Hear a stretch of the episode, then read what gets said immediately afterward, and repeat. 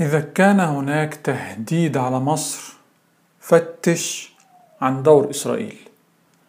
هذه الحلقة لكل مصري خايف من سد النهضة وتأثيراته السلبية على مصر. إذا كان الاستبداد هو العدو الداخلي الأول للمصريين واللي بيمنعهم من عيش حياة كريمة فإن دولة الاحتلال الإسرائيلي هي العدو الخارجي اللي بيعمل طول الوقت على إضعاف مصر والمصريين. بعد الانتهاء من هذه الحلقة هتكون عرفت بالتفاصيل والأدلة الأدوار اللي قامت بها دولة الاحتلال الإسرائيلي لدعم سد النهضة. هنشرح هذه الأدوار وهنضعها ضمن الاستراتيجية الواسعة لدولة الاحتلال وهي استراتيجية طويلة الأمد للتعامل مع الدول العربية المحيطة.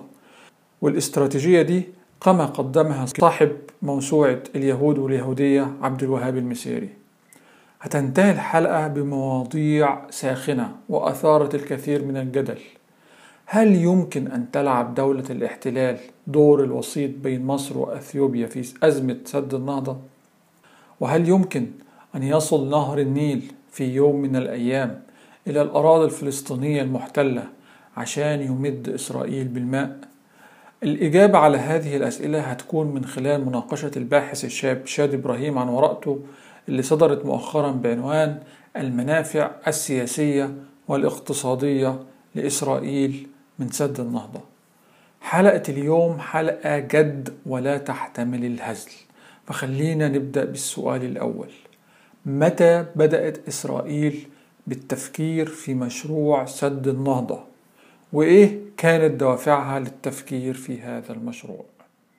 أول حاجة إحنا محتاجين نتكلم على إن اختيار موقع سد النهضة تم بالشراكة ما بين إسرائيل وأمريكا في الستينيات خلال الحرب الباردة ما بين أمريكا والاتحاد السوفيتي بعد ما الاتحاد السوفيتي أعلن دعم مصر في تمويل السد العالي وتم اختيار الموقع بعد وفد كبير طلع من وزارة الزراعة والمساحة وزارة المساحة في أمريكا مع وفد كبير من إسرائيل وكان بيضم عسكريين. الوفد ده راح هناك أثيوبيا وتم اختيار موقعين رئيسيين وبعد دراستهم تم تحديد الموقع اللي بيتم عليه الآن بناء سد النهضة.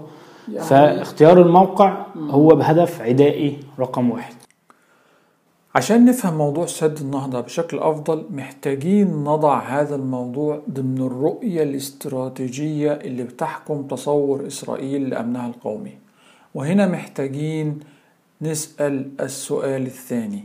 ما هي الأهداف الأمنية الاستراتيجية لإسرائيل في المنطقة؟ الهدف الأساسي إن هو إن هم عايزين يضعفوا الدولة كيان الدولة المصرية ويضعفوا المجتمع المصري من خلال إن هم يوقفوا نهر النيل أو يقللوا حصة مصر المائية.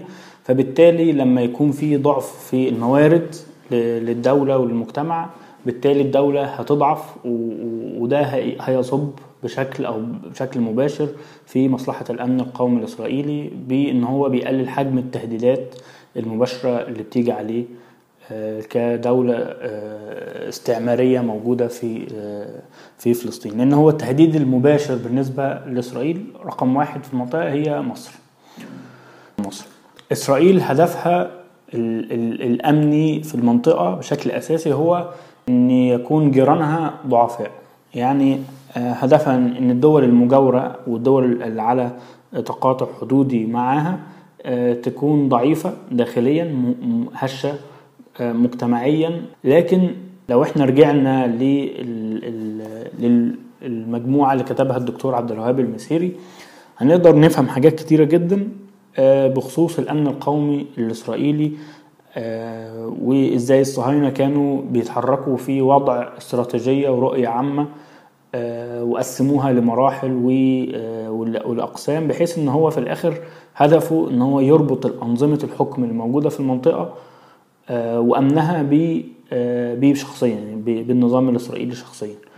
وبالتالي لما نلاقي حركات التطبيع المتسارعة اللي بتحصل من دول الخليج زي الإمارات والسعودية آه، والهرولة ناحيتهم في اتجاه إن هو عايزين يفتحوا آه، علاقات غير مفهومة أو غير مفهوم العائد ليها بالنسبة للشعب الفلسطيني أو غير مفهوم العائد ليها بالنسبة للشعوب الموجودة في المنطقة. آه، الحاجة الوحيدة اللي ممكن نفسرها إن هو شراء آه، آه، يعني سكوت الغرب أو آه، الحصول على ضمانة لاستمرار أنظمة حكمهم.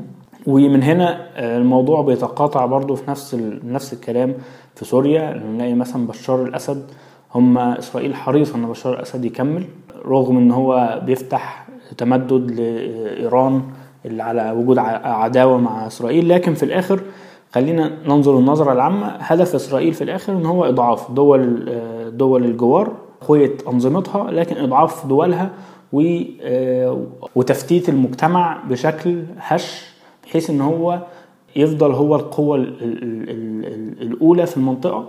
عسكريا وأمنيا واقتصاديا. نعود تاني لسد النهضة. والآن إحنا محتاجين نعرف إزاي حولت دولة الاحتلال الإسرائيلي هذه الاستراتيجية طويلة الأمد إلى خطط عمل تساعدها للتعامل مع سد النهضة. وده هيكون السؤال الثالث. آه، إسرائيل كانت بتتحرك بشكل آه، آه، يعني هادئ و- وبحركة خفيفة في بناء العلاقات مع أثيوبيا ودول حوض النيل بحيث إن هي يعني آه، يعني لا تستفز مصر في آه، حركتها.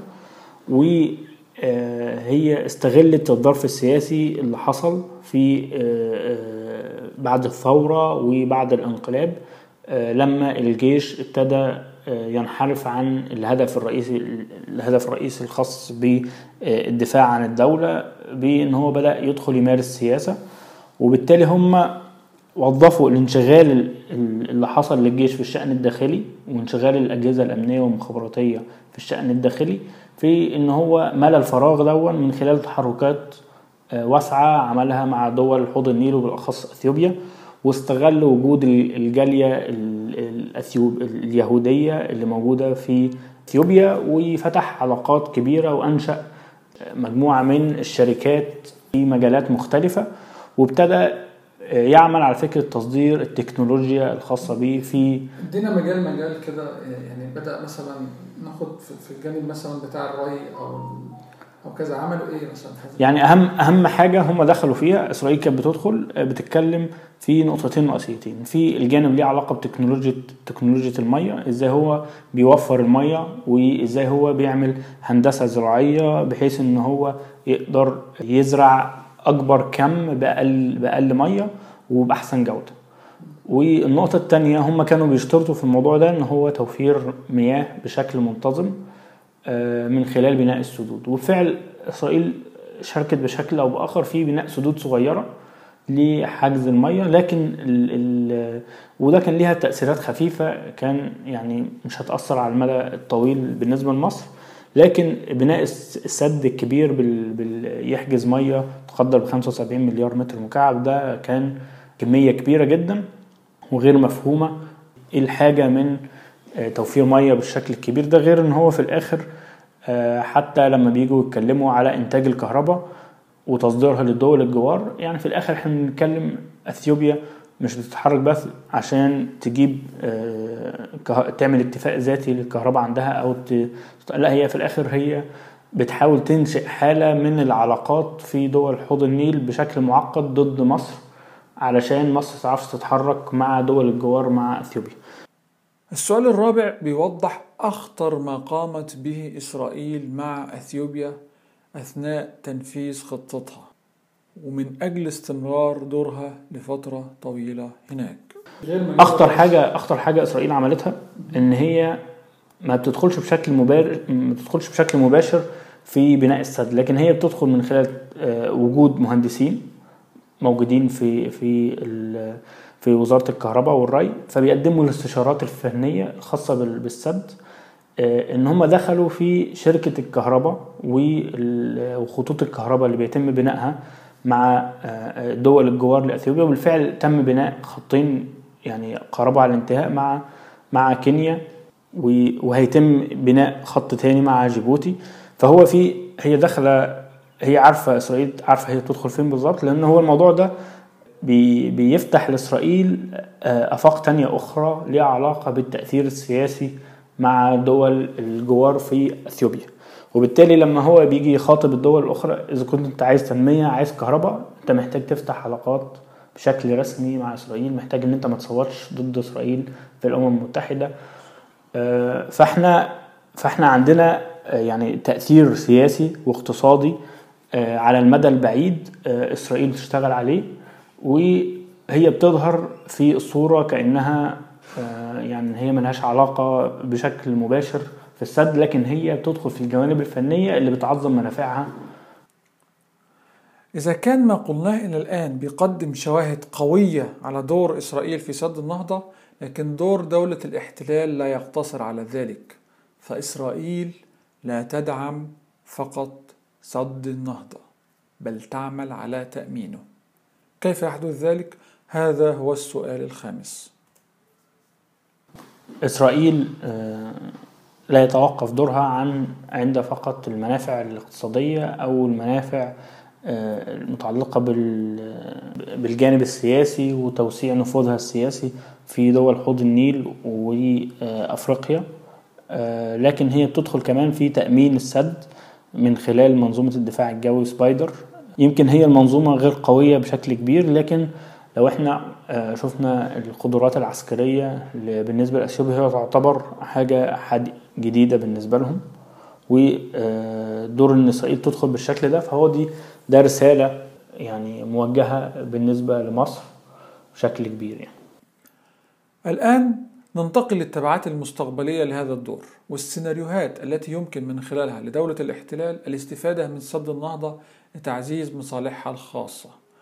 وأولى هذه التبعات إمكانية لعب دور الوسيط بين مصر وأثيوبيا مستفيدة من علاقتها القوية مع مصر ومع أثيوبيا. وده هو السؤال السادس. هو بالفعل مصر كانت آه، طلبت من إسرائيل إن هي تدخل آه، كأحد ال- الأطراف في التفاوض. أو الوسطاء في التفاوض. آه، أثيوبيا رفضت الموضوع ده. آه، لكن خلينا نقول إن زيارة سامح شكري أول زيارة سامح شكري بعد تسع سنين آه، من توقف الزيارات بشكل رسمي من أيام حسني مبارك آه، كانت جت بعد 24 ساعة من زيارة قام بها نتنياهو لدول حوض النيل. هو لف لفة هناك وهو بعد 24 ساعة سامح شكري جه. وفي المواقع الإسرائيلية هناك اتكلموا بشكل صريح إن الهدف من زيارة سامح شكري من أحد ال- البنود فيها كان آه، إن إسرائيل تشتغل آه، في فكرة الوساطة وفكرة تقديم حلول وسط مع الجانب الأثيوبي وغيره. أثيوبيا رفضت الموضوع ده لكن ده بيدينا مؤشر إن إن زياره سامح شكري بتدينا مؤشر في الآخر إن مصر عارفة الدور الإسرائيلي اللي موجود في دول حوض النيل والتأثير المباشر آه، عليهم في صناعة القرار. ومن هنا ده بي- بيدينا رسالة آه، إن إسرائيل في المستقبل ممكن يكون ليها دور في التفاوض وممكن آه، هي تعرض طلب إن هي تاخد حصة من مياه نهر النيل. مقابل إن هي تضغط على إثيوبيا في إن هي تحافظ على حصة مصر المائية. إذا كنت ترى أنه لا يمكن لنهر النيل في يوم من الأيام أن يصل إلى الأراضي المحتلة وأن هذا المشروع هو ضرب من الخيال فخلينا نفتكر عدد من الشواهد المقلقة والتي يجب أن نضعها دائما في الاعتبار. خلينا نسمع المقطع ده واللي بيقدم شواهد على اهتمام إسرائيل بقضية المياه في مصر بصفة عامة وبنهر النيل. ونخلي دايما هذه الشواهد جرس إنذار يفكرنا دايما إن إحنا ما ننساش هذا الموضوع. وخلينا نسمع. بالدور ده. وفي وفي بالفعل يعني في يعني السفير الإسرائيلي آه، في في مصر في 2015 2016 السفير السابق اتكلم بشكل صريح. قال مصر لازم تتعامل مع إن فكرة حصة مياه نهر النيل أو حصة التاريخيه بتاعت آه، مصر في نهر النيل ده كلام كان زمان خلاص منتهى وإن مصر لازم تتعامل مع الواقع. ومش بس كده في مقالات أخرى كمان يعني كان بيعرض على فكرة إن مصر تشتري تكنولوجيا تحليه المياه من إسرائيل. يعني يعني هو موضوع آه، لا هو وصل الاكتر من كده إن هو لا في الآخر كمان عايز يبيع آه، التكنولوجيا بتاعته ويبقى ليه تأثير على المية بشكل كبير جدا لمصر حتى في المفاوضات اللي حصلت بعد حرب أكتوبر في أمريكا في كامب ديفيد كان من ضمنها هو إيصال مياه نهر النيل 2 مليار آه، متر مكعب آه، للقدس أو لصحراء النقب. وده كان من ضمن البنود اللي إسرائيل كانت بتضغط بيها عليها ولكن الجيش المصري ساعتها ووزير الخارجية كانوا معترضين على الموضوع ده جملة وتفصيلا والسادات استخدمه كأحد الحاجات كأحد البنود آه، آه، اللي قعد يلعب بيها في التفاوض مع مع إسرائيل فيها.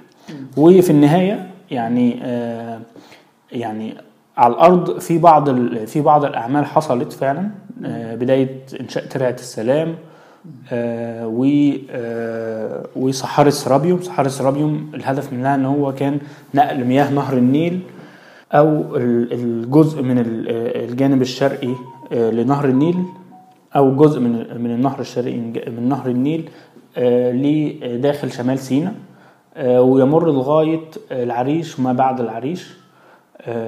وده كمرحلة أولى اتقسم على عدة مراحل. ده الهدف منه في الآخر إن هو آه، بالنسبة لمصر كان الهدف منه إن هو آه، يزودوا عدد السكان في سيناء لتحصين أو الحفاظ على الأمن القومي المصري بزيادة الكثافة السكانية هناك. لكن لما نيجي إحنا نقار يعني نتابع اللي بيحصل في سيناء حاليا هنجد آه، إنه بيحصل تفريغ وبيحصل آه، تهجير لألوفات آه، خاصة من بداية المدن الحد- الحدودية زي مدينة رفح آه، وغيرها. فيعني يعني في الآخر الهدف هو توطين الناس فإحنا بنلاقي إن مشاريع المية بتكمل آه، عكس آه، الأهداف الرئيسية اللي هي توطين الناس من خلال تهجيرهم. فإحنا عندنا موضوعين متضادين.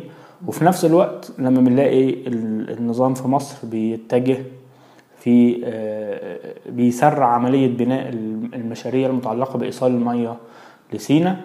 آه، في نفس الوقت بيكون في تهديدات آه، بخفض حصة مصر من أثيوبيا فده بيدي حاجة عدم يعني إشارات متضاربة. إشارات متضاربة صحيح وبيدي علامات استفهام. لكن بلا شك وجود إيصال المياه إلى سيناء هو آه، مصلحة الأمن القومي المصري إذا تم توطين الناس فعلا آه، كما درسوا الموضوع في بداية طرح الفكرة في الأول أيام عبد الناصر. أتمنى حلقة اليوم تكون عجبتكم. ألقاكم في الحلقة القادمة وأترككم في أمان الله.